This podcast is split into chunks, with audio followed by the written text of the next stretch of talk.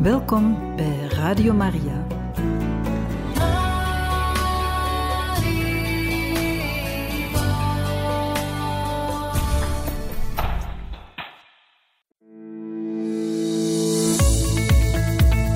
Exodus en Magnificat 90. Een opgang naar Pasen in 90 dagen bij Radio Maria.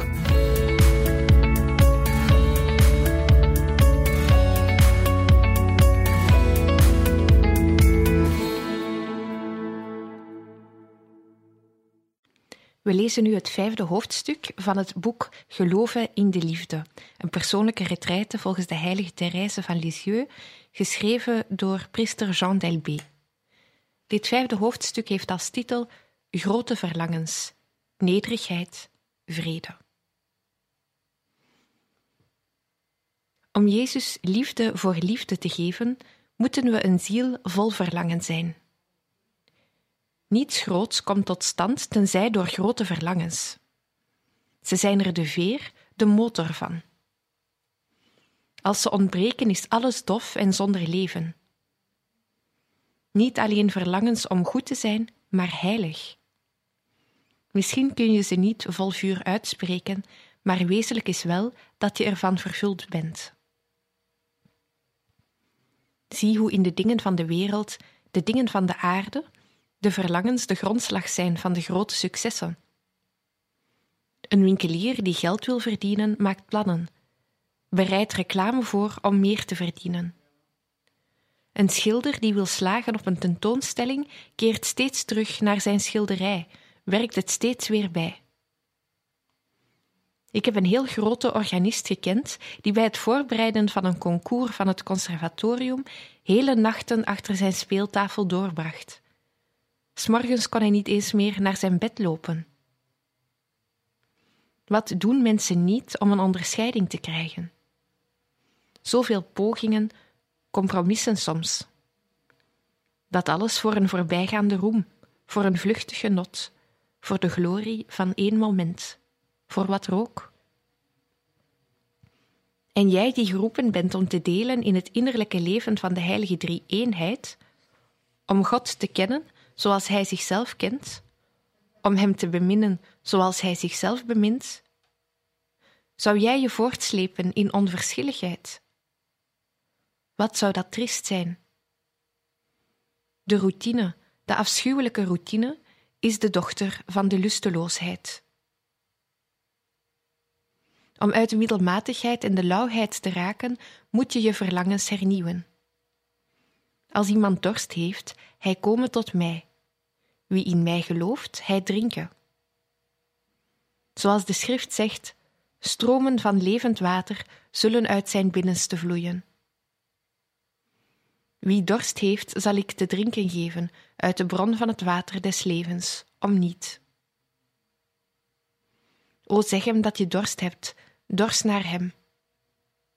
Het grote gebod, gij zult de Heer uw God beminnen met geheel uw hart en geheel uw ziel, met al uw krachten en geheel uw verstand, is niet voorbehouden aan trappisten of karmelieten. Het geldt voor iedereen. Ook daarin heeft de Meester ons het voorbeeld gegeven. Hij was de eerste, de man van verlangens. Desiderio desideravi. Vurig heb ik verlangd, voor ik ga lijden, dit paasmaal met u te eten. Sitio, ik heb dorst, dorst naar jullie zielen, dorst naar jullie harten, dorst naar jullie heiliging.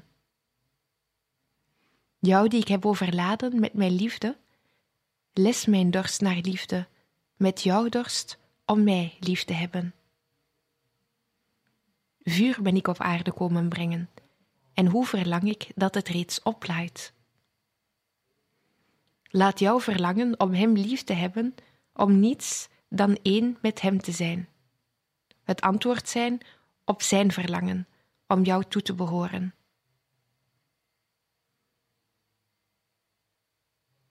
De heiligen die zeer hoog in de hemel zijn gestegen, zijn daar aangekomen op de vleugels van de grote verlangens. Maria Magdalena de Pazzi kreeg eens een visioen van de heerlijkheid van Aloysius van Gonzaga. Ze vroeg zich verwonderd af: hoe kan die kleine jonge man zo hoog opstijgen tot bij de serafijnen? Het werd haar geopenbaard dat hij die heerlijkheid had bereikt, omdat hij tijdens zijn korte leven was verteerd door het verlangen om God te beminnen en een heilige te zijn. Trouwens, verlangen om te beminnen is al beminnen.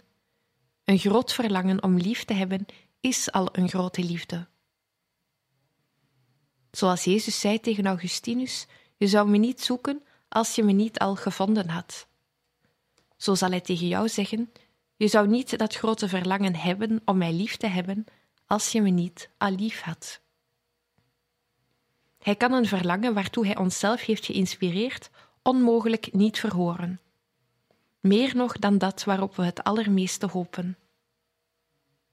Tegelijk met die grote verlangens moet je een diep besef, vol overtuiging en oprechtheid hebben van je zwakheid en je onmacht. Je zal me zeggen: U wilt dat we heel hoog vliegen in de hemel van de goddelijke liefde? En het eerste wat we moeten doen is vaststellen dat we geen vleugels hebben. Laat je je hierdoor ontmoedigen tot wanhoop brengen? Velen doen dat.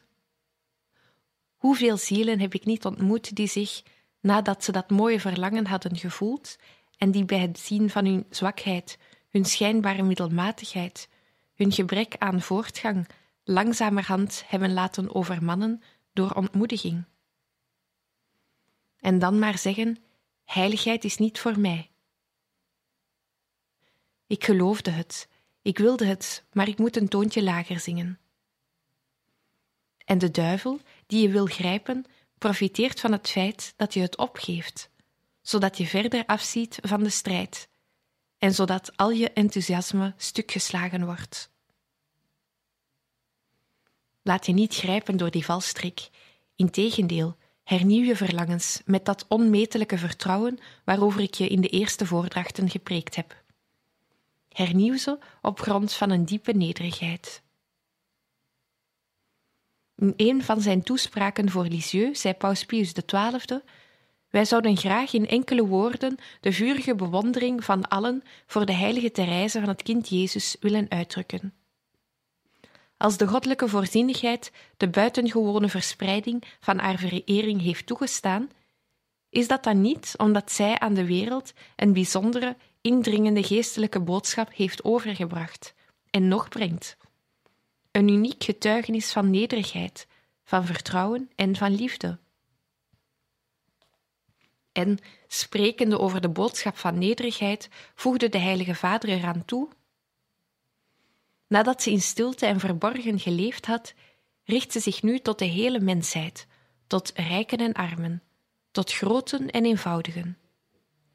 Ze zegt tot hen met Christus: Gaat binnen door de nauwe poort, want de weg die naar de ondergang voert is wijd en breed, en velen zijn er die hem inslaan.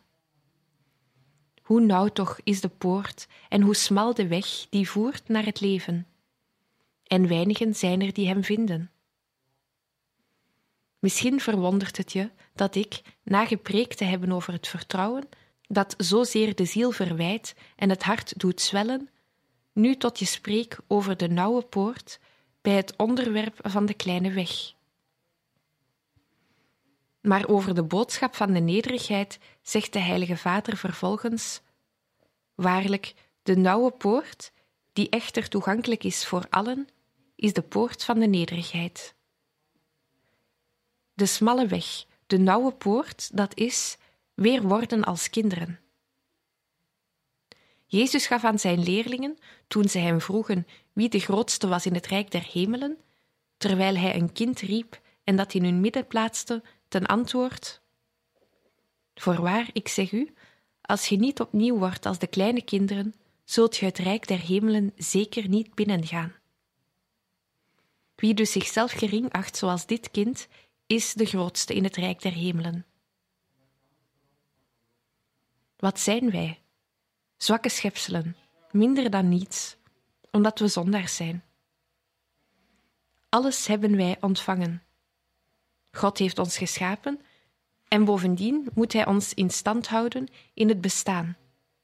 Want als Hij ons een ogenblik zou vergeten, zouden wij terugvallen in het niets.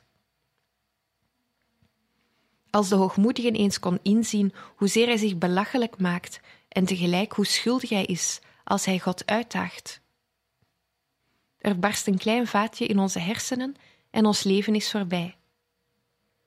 Ten opzichte van God hebben we geen enkel recht en toch komt dat woord ons zo gemakkelijk over de lippen. Mijn rechten. We hebben een dorst naar aanzien die nooit gelest wordt. In de praktijk blijven die zo evidente waarheden voor ons verborgen. Goed verstand begrijpt ze wel, maar in de gewone uitoefening van ons denken verblind als we zijn door onze hartstochten, onze belangen, onze eigen liefde, vergeten we onze absolute afhankelijkheid als schepselen. Dat komt doordat we niet kijken naar wat we niet graag willen zien. We houden niet van die waarheden. En toch, welk een vrede vinden we erin wanneer we er naar kijken met de ogen van de goddelijke Meester. De heiligen hebben hun geluk weten te vinden in de nederigheid en de vernederingen. Want nederigheid en liefde voor vernedering vormen één geheel. Ik spreek nu natuurlijk over een liefde die slechts op de wil berust, want onze natuur zal ze niet zoeken of ervan houden. Onze natuur heeft er zelfs een afkeer van. Voor mij bestaat er niets dat in ons zo een walging oproept, dat zo'n smaak van de dood heeft als de vernedering. Het is echt een smaak van de dood, omdat zij ons doet sterven aan onszelf. Zij doodt ons door ons klein te maken in de ogen van anderen en in onze eigen ogen. Minachting en vergetelheid, meer nog dan minachting, die zijn moeilijk te accepteren. Terzijde gelaten te worden als een verwaarloosbare grootheid, de afgod van het ik, die gedwongen is het hoofd te buigen, die bittere gal moeten we slikken. Maar in die smaak van de dood voor onze natuur is er een smaak van goddelijk leven, omdat Jezus in de mate dat we in God leven alle plaats in ons inneemt. De heilige Franciscus van Assisi stelde zich voor dat hij bij aankomst bij het klooster met de kleine broeder Leon niet ontvangen zou worden. Dat de portier hun niet zou opendoen. Dat hij hen buiten in de sneeuw zou laten staan. Erger nog, dat hij hen zou wegjagen met stokslagen. Hij zei tot zijn kleine broeder: Dat zal de volmaakte vreugde zijn. En dat alles is nog weinig in vergelijking met wat ik de stokslagen op de ziel zou willen noemen. Het gebrek aan respect, de spotternijen, de onrechtvaardigheden van hen met wie we samenleven, van wie we houden en die ons toch vernederen, vaak zonder het te willen. Sinds de erfzonde zijn we allen hoogmoedig. We willen heersen, we willen bevelen, we willen gewaardeerd worden, we willen toegejuicht worden. Minachting en vergetelheid laten in onze ziel een diepe droefheid, een vrede bitterheid na. De apostelen twisten bij het laatste avondmaal, na drie jaar met onze Heer verkeerd te hebben, met elkaar om te weten wie van hen de grootste was. Wat een contrast met Jezus. Wij spraken van de dwaasheid van zijn liefde. Waarom dwaasheden van liefde? Omdat die dwaas waren van nederigheid en zelfverloochening. Bethlehem, de oneindige God, als een klein kind op het stro in een stal. Nazareth, een behoeftige God, een God die leerling-werkman is. En zijn naasten, de zijnen die hem behandelen als een extremist. Hij ging met zijn apostelen om als iemand die bedient en niet als iemand die bediend wordt. De voetwassing. Jezus geknield voor Judas, nederig en met zorg de voeten van Judas wassend. Gethsemane, wanneer hij voor zijn vader verschijnt, overdekt met alle zonden van de mensen. Het pronkgewaad waarmee Herodes hem bekleedt om hem belachelijk te maken. Barabbas die de voorkeur krijgt boven hem. De opgang naar Calvarië, vergezeld van de twee rovers. God gelijkgesteld met misdadigers. de vrede spot wanneer hij aan het kruis hangt. Hij redt anderen en kan zichzelf niet redden. Kom eraf als je kunt. En tenslotte het tabernakel tot het einde der tijden. Ik verzeker je dat het helpt, meer dan wat dan ook, wanneer je zelf in de steek gelaten, verkeerd beoordeeld, belasterd of afgewezen wordt, om aan zijn vernederingen te denken. Als je lijdt onder een vernedering, denk dan aan de zijne. Hij was niet verplicht om die weg te gaan, maar hij wist hoe moeilijk het voor ons zou zijn om vernederd te worden. Daarom heeft hij ons als eerste de weg willen wijzen, zodat hij tot ons kon zeggen: De weg die ik gegaan ben, die kunnen jullie ook gaan. Volg mij. Te meer nog omdat wij niet achter hem aangaan, maar door hem gedragen worden. Hij was de oneindige onschuld en zuiverheid. Wij, wij zijn allemaal schuldig.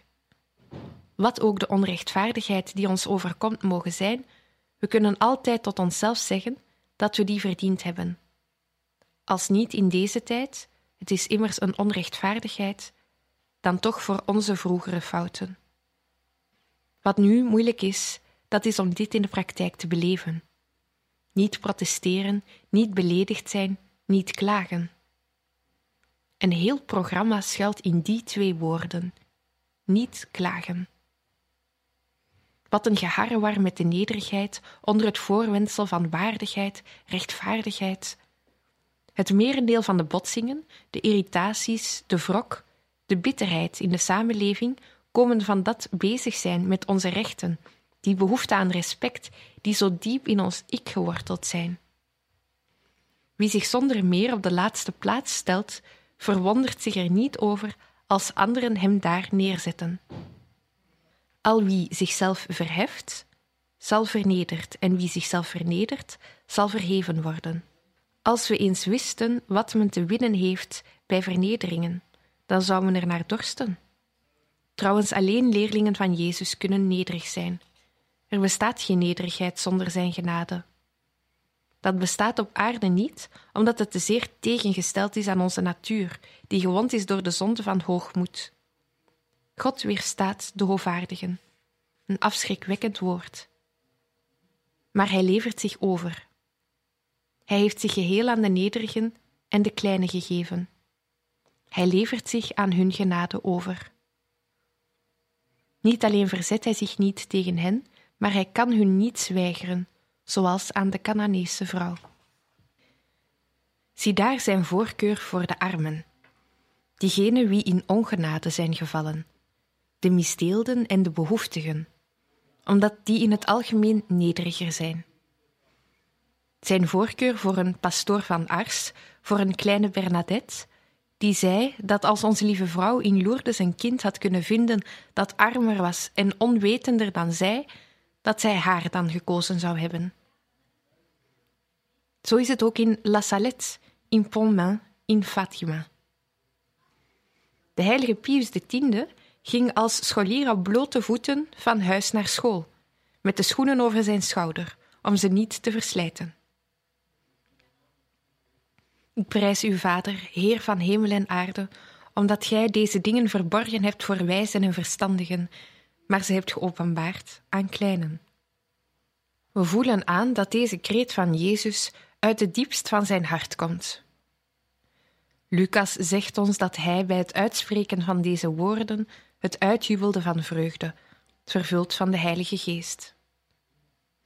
Hij voorzag op dat moment het wonderbare leger van de allerkleinsten, die geroepen zijn de wereld te winnen voor zijn hart. Revelasti parvulis. Aan kleinen hebt gij het geopenbaard. De nederige mens beseft dat hij in de bovennatuurlijke orde uit zichzelf niets goeds kan doen. Toejuichingen doen hem pijn, het schijnt hem diefstal toe. Alle goeds komt van de welbeminde koning, en uit het diepst van hemzelf het kwaad.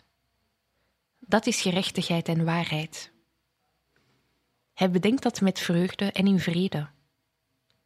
Hij zal met dezelfde eenvoud zeggen denkend aan de genaden die hij ontvangen heeft, fecit mihi magnam qui potens est. Ik kan niets, maar hij die alles vermag, heeft grote dingen aan mij gedaan. Therese schreef: Laten we ver blijven van alles wat schittert. Laten we houden van onze kleinheid. Laten we ervan houden om niets te voelen.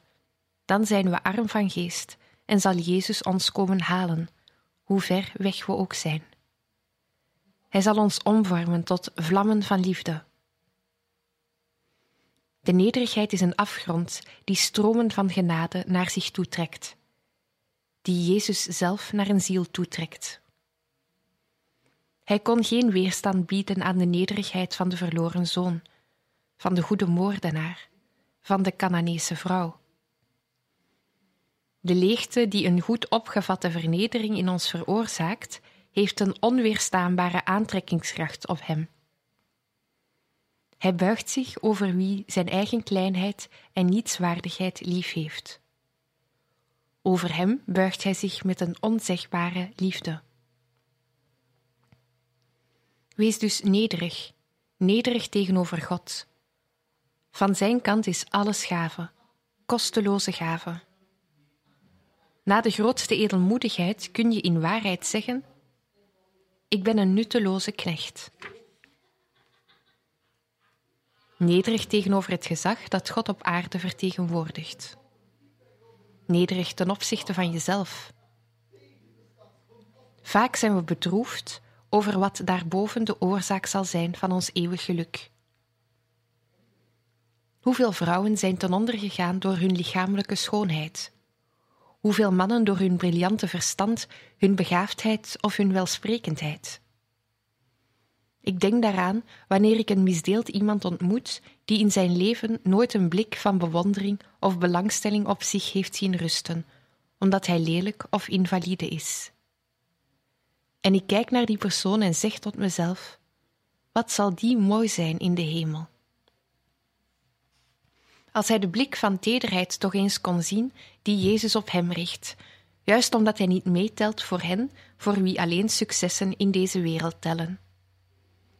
Als hij in geloof en liefde heeft kunnen aanvaarden wat God voor hem gekozen heeft, wat een heerlijkheid zal het dan daarboven zijn.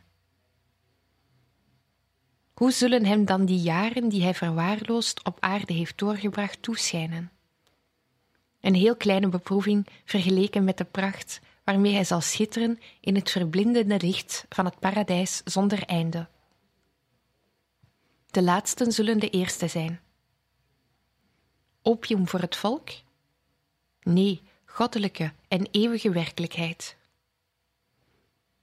Dat wil niet zeggen dat zij, die natuurlijke gaven hebben ontvangen, zich daar niet over mogen verheugen. Die gaven maken deel uit van onze voorbestemming. Ze passen in het liefdesplan van God voor ons. Grote heiligen zijn ermee overladen.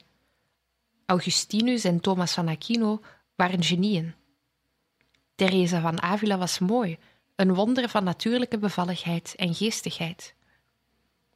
Franciscus van Sales, een uitgelezen persoon door de finesse van zijn intelligentie, de fijngevoeligheid van zijn hart en zijn omgangsvormen. Maar ik denk dat die gaven hun vooral dienst hebben gedaan om hun bijzondere zending in de kerk te vervullen, en dat zij heilig waren in de mate waarin zij beseft hebben hoe kosteloos dat alles was, en dus hoe arm ze in essentie waren. Thomas beschouwde heel zijn theologische werk als stro. Nederig zijn en zijn mislukkingen aanvaarden. De bedwelming van lofuitingen en van vleierijen jaagt het hoofd op hol, soms tot het ons duizelt. Als alles lukt en je krijgt slechts toejuichingen, hoe zou je dan niet denken dat je nogal iets of iemand bent? Dat is het gevaar van de hogere posten. Zegen dus de vernedering die ontnuchtert en redt. Nederig zijn en je vergissingen accepteren. Kunnen zeggen: Ik heb me vergist. Dat is niet makkelijk, dat kost moeite. Jezelf kunnen minachten, raad vragen en tegelijkertijd niet bezig zijn met de mening van de schepselen, met Wat zullen zij ervan zeggen? Negen van de tien keer gaan we te werk terwijl we zeggen: Wat zullen ze ervan denken? Wat zal die of die denken als ik dat doe? En niet: Wat zal Jezus denken?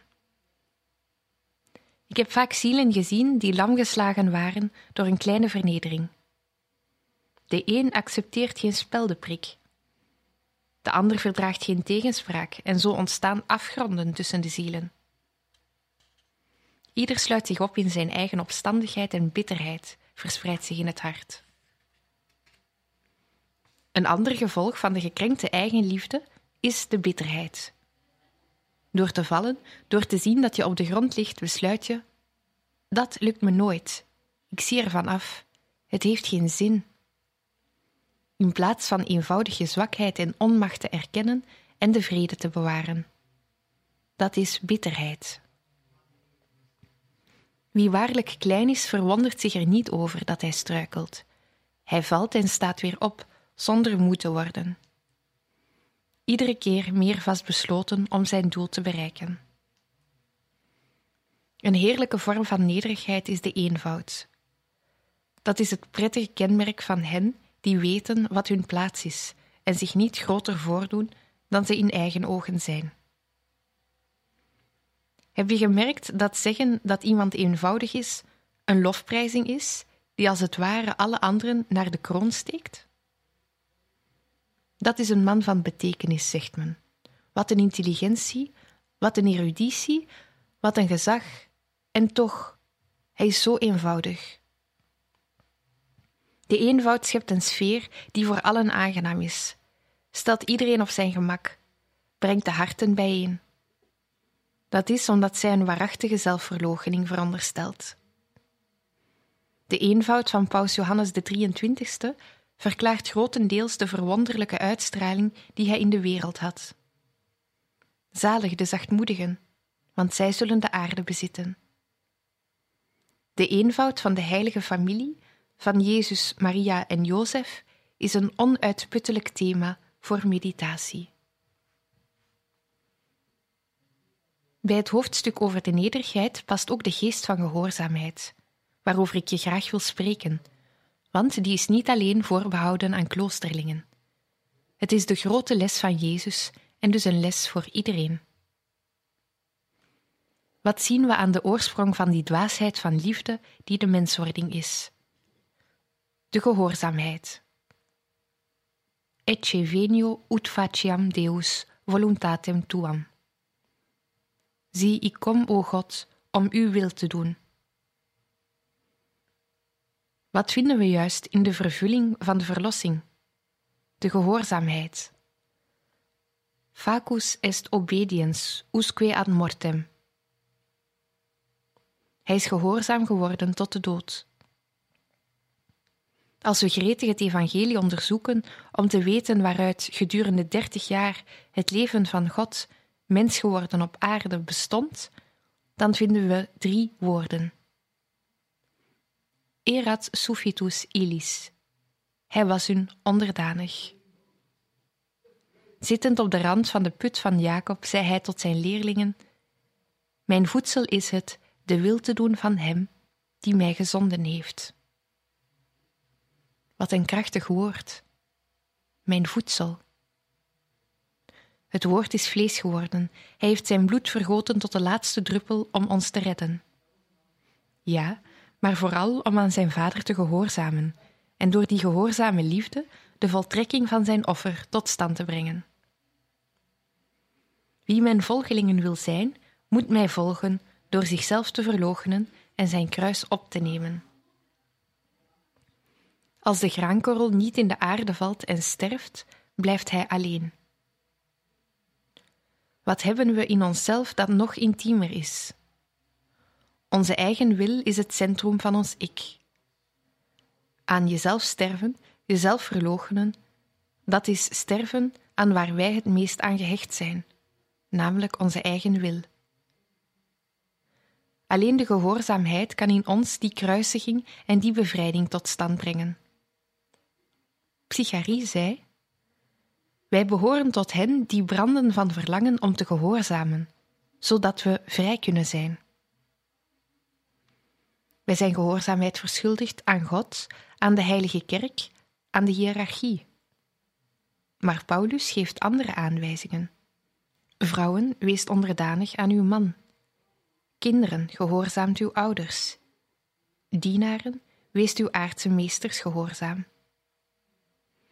Hij geeft een belangrijke bovennatuurlijke reden voor die onderwerping, namelijk dat de vrouwen in hun man, de kinderen in hun ouders, de dienaren in hun meester, de Heer zelf zien. Dan beveelt hij de mannen haastig aan om hun vrouwen lief te hebben, zoals Christus de kerk lief heeft. Aan de ouders om hun kinderen niet te tergen, aan de meesters om bedreigingen achterwege te laten en zich te herinneren dat de meester, die in de hemelen is, ook hun meester is. Lees die hoofdstukken 5 en 6 van de brief aan de Efeziërs nog eens. Ze zijn zo wonderbaar praktisch. Eén ding is zeker. Het is onmogelijk dat God aan zijn schepselen niet de weg heeft gegeven om tot Hem te komen, om kennis te hebben van de ware godsdienst. Met even grote zekerheid kunnen we zeggen dat die weg zeker is. Op welke wijze is de weg tot het heil, die de kerk is, zeker? Door gehoorzaamheid aan het zichtbare gezag. God spreekt tot ons op twee manieren: tot het binnenste van ons verstand, tot het binnenste van ons hart door innerlijke verlichting, door aanrakingen met Zijn genade, door goede ingevingen, door heilige verlangens. En Hij spreekt uitwendig tot ons door het zichtbare gezag. Als er een conflict tussen beiden bestaat, wat moet dan de overhand hebben? Wat is dan de echte wil van God? altijd en overal het woord van het uitwendige gezag. Daarop rust heel de zekerheid van de kinderen van de kerk. Op het eerste gezicht zou het kunnen lijken dat het beter zou zijn om te gehoorzamen aan een inwendige stem, die de rechtstreekse stem van God zou zijn. Zo is het niet. En het wonder is ook veel groter als wanneer God zou hebben besloten om rechtstreeks te leiden. Dat heeft hij niet gewild. Ongetwijfeld opdat wij meer uit het geloof zouden leven. Zo ziet het eruit alsof de dingen op menselijke wijze gebeuren, maar ze zijn er niet minder goddelijk om.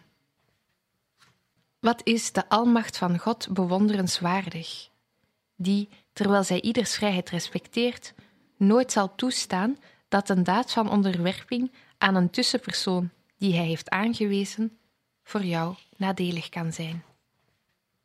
Die nederigheid, die onderwerping zal Jezus jou geven in de mate dat je ernaar verlangt en het Hem met vertrouwen in jouw gebeden vraagt. Laat een voordracht als deze je geen zins ontmoedigen, omdat je zegt: Ik heb zoveel eigenliefde, ik ben niet onderworpen. Ik heb de hele tijd hoogmoedige gedachten. Ik betrap me er onophoudelijk op dat ik mezelf beter vind dan anderen. Ik ben op mijn eigen wil gesteld. In alles of bijna alles wat u zegt over de mens die van zichzelf vervuld is, herken ik mezelf. Alles wat u zegt dat ik niet moet zijn, dat ben ik. Ik hoor en ik kan die klachten over jouw natuur wel raden. Ze zijn terecht. Ze dompelen je onder in een diepe waarheid, die van jouw ellende, ze stellen je tegenover jouw natuur, die gewond is door de zonde van onze eerste voorouders, toen zij als goden wilden zijn. Een ernstige verwonding die is veroorzaakt door de hoogmoed en de afwijzing van de liefde. Maar hier moet ik je ook herinneren aan wat ik je al gezegd heb, namelijk dat het de instemming is die iets tot zonde maakt. Een hoogmoedige aard hebben en een hoogmoedig mens zijn is niet hetzelfde.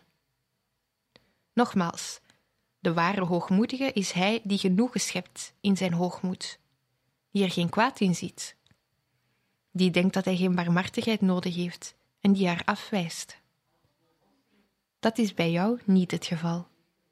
Jij die er niet mee instemt en vooral jij die in Jezus gelooft, die herstelt, die zuivert. In Jezus die het kwaad alleen toestaat om er een groter goed aan te ontlenen. In Jezus die geneest en die redt. In Jezus die jou lief heeft. Het kan een heel vruchtbare vernedering zijn om je eigen hoogmoed vast te stellen, zonder ermee in te stemmen. Wat zet nu de kroon op die nederigheid, dat vertrouwen, die, die overgave die ik je tot nu toe heb voorgehouden? Dat is de vrede die Jezus op aarde is komen brengen. Dat was zijn eerste gave aan de mensen. Omdat hij nog niet kon spreken, zond hij, in zijn ongeduld om ons die gave van zijn hart te brengen, zijn engelen, die een vreugde zonder weerga aankondigen, die voor heel het volk zal zijn. Heden is u een redder geboren, Christus de Heer, in de stad van David. En dit zal voor u een teken zijn. Gij zult het pasgeboren kind vinden, in doeken gewikkeld en liggend in een kribbe. Eer aan God in den hoge en op aarde vrede onder de mensen in wie hij welbehagen heeft. Dat was zijn eerste liefdesgave en het was ook zijn laatste. Bij het laatste avondmaal, voordat hij zijn apostelen verliet. Hij liet het aan hen na als erfdeel: Vrede laat ik u, mijn vrede geef ik u. Dat is zijn testament. Die vrede gaat samen met de trouw aan de genade, met de trouw aan het vertrouwen. Zij vormt de zachtheid van jouw intieme verhouding tot Jezus.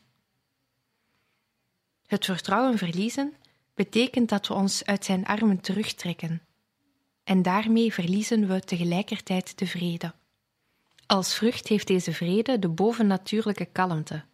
Het kwaad vist in troebel water. Wie zich laat verwarren, ziet niet meer duidelijk, struikelt, wordt radeloos, heeft geen juist oordeel meer. We kunnen wel heel geschokt zijn of heel verontrust, laat het alleen aan de oppervlakte zijn. Het diepst van de ziel moet in rust blijven, zoals het diepe van de oceaan dat altijd is, zelfs bij de ergste stormen. Huil als je in rouw bent, ongelukkig bent, maar huil in vrede. Je mag alles verliezen, maar je hebt niet het recht je vrede te verliezen. Behoud de vrede in de mislukkingen van je geestelijk leven, vrede bij de mislukkingen van je apostolaat. Je doet je best, je geeft alle toewijding, je werkt je dood om vaak een heel teleurstellend resultaat te bekomen. Je zaait, anderen zullen oogsten. Jij zult oogsten in de hemel. Er is geen mislukking voor de apostel die weet te wachten op het uur van Jezus, zelfs als dat na de dood pas komt. Een priester had gezaaid in de beproeving, in tranen en ook in vertrouwen tegen alles in. Hij sterft zonder de vruchten van zijn arbeid en zijn bidden te zien. Een jonge priester vervangt hem die in alles slaagt. De mensen zeggen dat is de priester die we nodig hadden, zonder dat ze in de gaten hebben dat hij slechts oogst wat de ander had gezaaid. Ook heeft de vrede als vrucht het evenwicht in de zielen. Zielen in vrede zijn niet pessimistisch en ook niet zwaarmoedig. Ze bezitten geen zelfingenomen optimisme, maar een wijs en gerechtvaardigd optimisme, dat gegrondvest is op het hart van Jezus. Want ze weten dat er alleen gebeurt wat God wil en dat voor wie uit het geloof leeft, alles genade is, alles liefde. Een evenwichtig humeur, toegeeflijkheid, goedheid, gemoedsrust kunnen alleen tot bloei komen in vrede. Bedenk wel dat onze Heer je niet in de vrede zal bewaren door je te onttrekken aan bekoringen en de strijd. Paulus dacht dat, maar nadat hij tot in de derde hemel was opgevoerd, kreeg hij een afranseling van een bode van Satan zodat hij niet trots op zichzelf zou zijn, en driemaal vroeg hij om ervan bevrijd te worden. Maar Jezus antwoordde hem: Je hebt genoeg aan mijn genade. Elders roept hij uit: Ik doe niet het goede dat ik wil, maar het kwade dat ik niet wil. Wie zal mij redden van dit bestaan ten dode? En hij werd er niet van gered. Bedenk dat de genade van Jezus voldoende voor jou is en dat die jou nooit zal ontbreken. Het is zo belangrijk om direct na iedere val de kalmte te hervinden. Werp een blik op hem en zeg hem: Jezus, een traan uit uw ogen, een druppel van uw bloed op mijn ziel, en alles zal volkomen gereinigd zijn, en mijn ziel zal vrede hebben. Paulus zegt: Wij weten dat God in alles het heil bevordert van die hem liefhebben. En Augustinus voegt daaraan toe: zelfs in hun zonden. Verwarring, droefheid, bitterheid na een misstap komen vaak door een gekwetste eigenliefde. We hebben minder spijt over de fout als zonde dan omdat ze ons vernedert. Vrede wil niet noodzakelijk zeggen dat men vreugde voelt, maar het is dat geluk van de ziel die weet dat zij is waar ze zijn moet, die niets anders vraagt dan wat ze heeft, die altijd blij is omdat Jezus, die heel haar vreugde is, altijd bij haar is. Je hebt genoeg aan mijn genade. Het leven in genade is een begin van het leven in de heerlijkheid. Gratia semen gloriae. We beginnen hier op aarde al aan onze hemel in de goddelijke vrede die Jezus ons geschonken heeft. Op aarde bestaat daarin het enige geluk. De wereld doet het hart krimpen, zonder het ooit te vervullen. Jezus maakt het continu groter en vervult het zonder ophouden. Die vreugde straalt, straalt trouwens van het gelaat van hen die met God verbonden zijn, zijn heiligen. Dat is iets van kalmte, iets rustgevends, als een mooi meer zonder rimpeling. Die inwendige gemoedsrust, die naar buiten toe zichtbaar is, is een waar getuigenis. Want het is voor Jezus een grote heerlijkheid dat zijn beste dienaren zo in rust verkeren, zo vredig en gelukkig zijn onder zijn blik, in de uitstraling van zijn hart. Het is een plicht voor jou om rondom jou die zachtmoedige en tegelijk vreugdevolle vrede te verspreiden. Maar zoals reizen fijntjes opmerkte, niet als rechters van vrede, maar als engelen van de vrede. Hier spreekt opnieuw de hostie tot ons. De levende stilte van de hostie preekt ons een hemelse vrede. Jezus heeft er behoefte aan. Ik zeg inderdaad behoefte, om die vrede tenminste in de harten van zijn vrienden te vinden, omdat zij de erfenis is die we van hem ontvangen hebben. En hij vindt die zo weinig. Ondanks de aansporingen van pausen en bisschoppen ondanks de min of meer belangeloze inspanningen van sommige staatshoofden, ondanks de internationale organisaties, is er overal oorlog. En de diepe oorzaak van die oneenigheid is de hoogmoed van de naties en de mensen.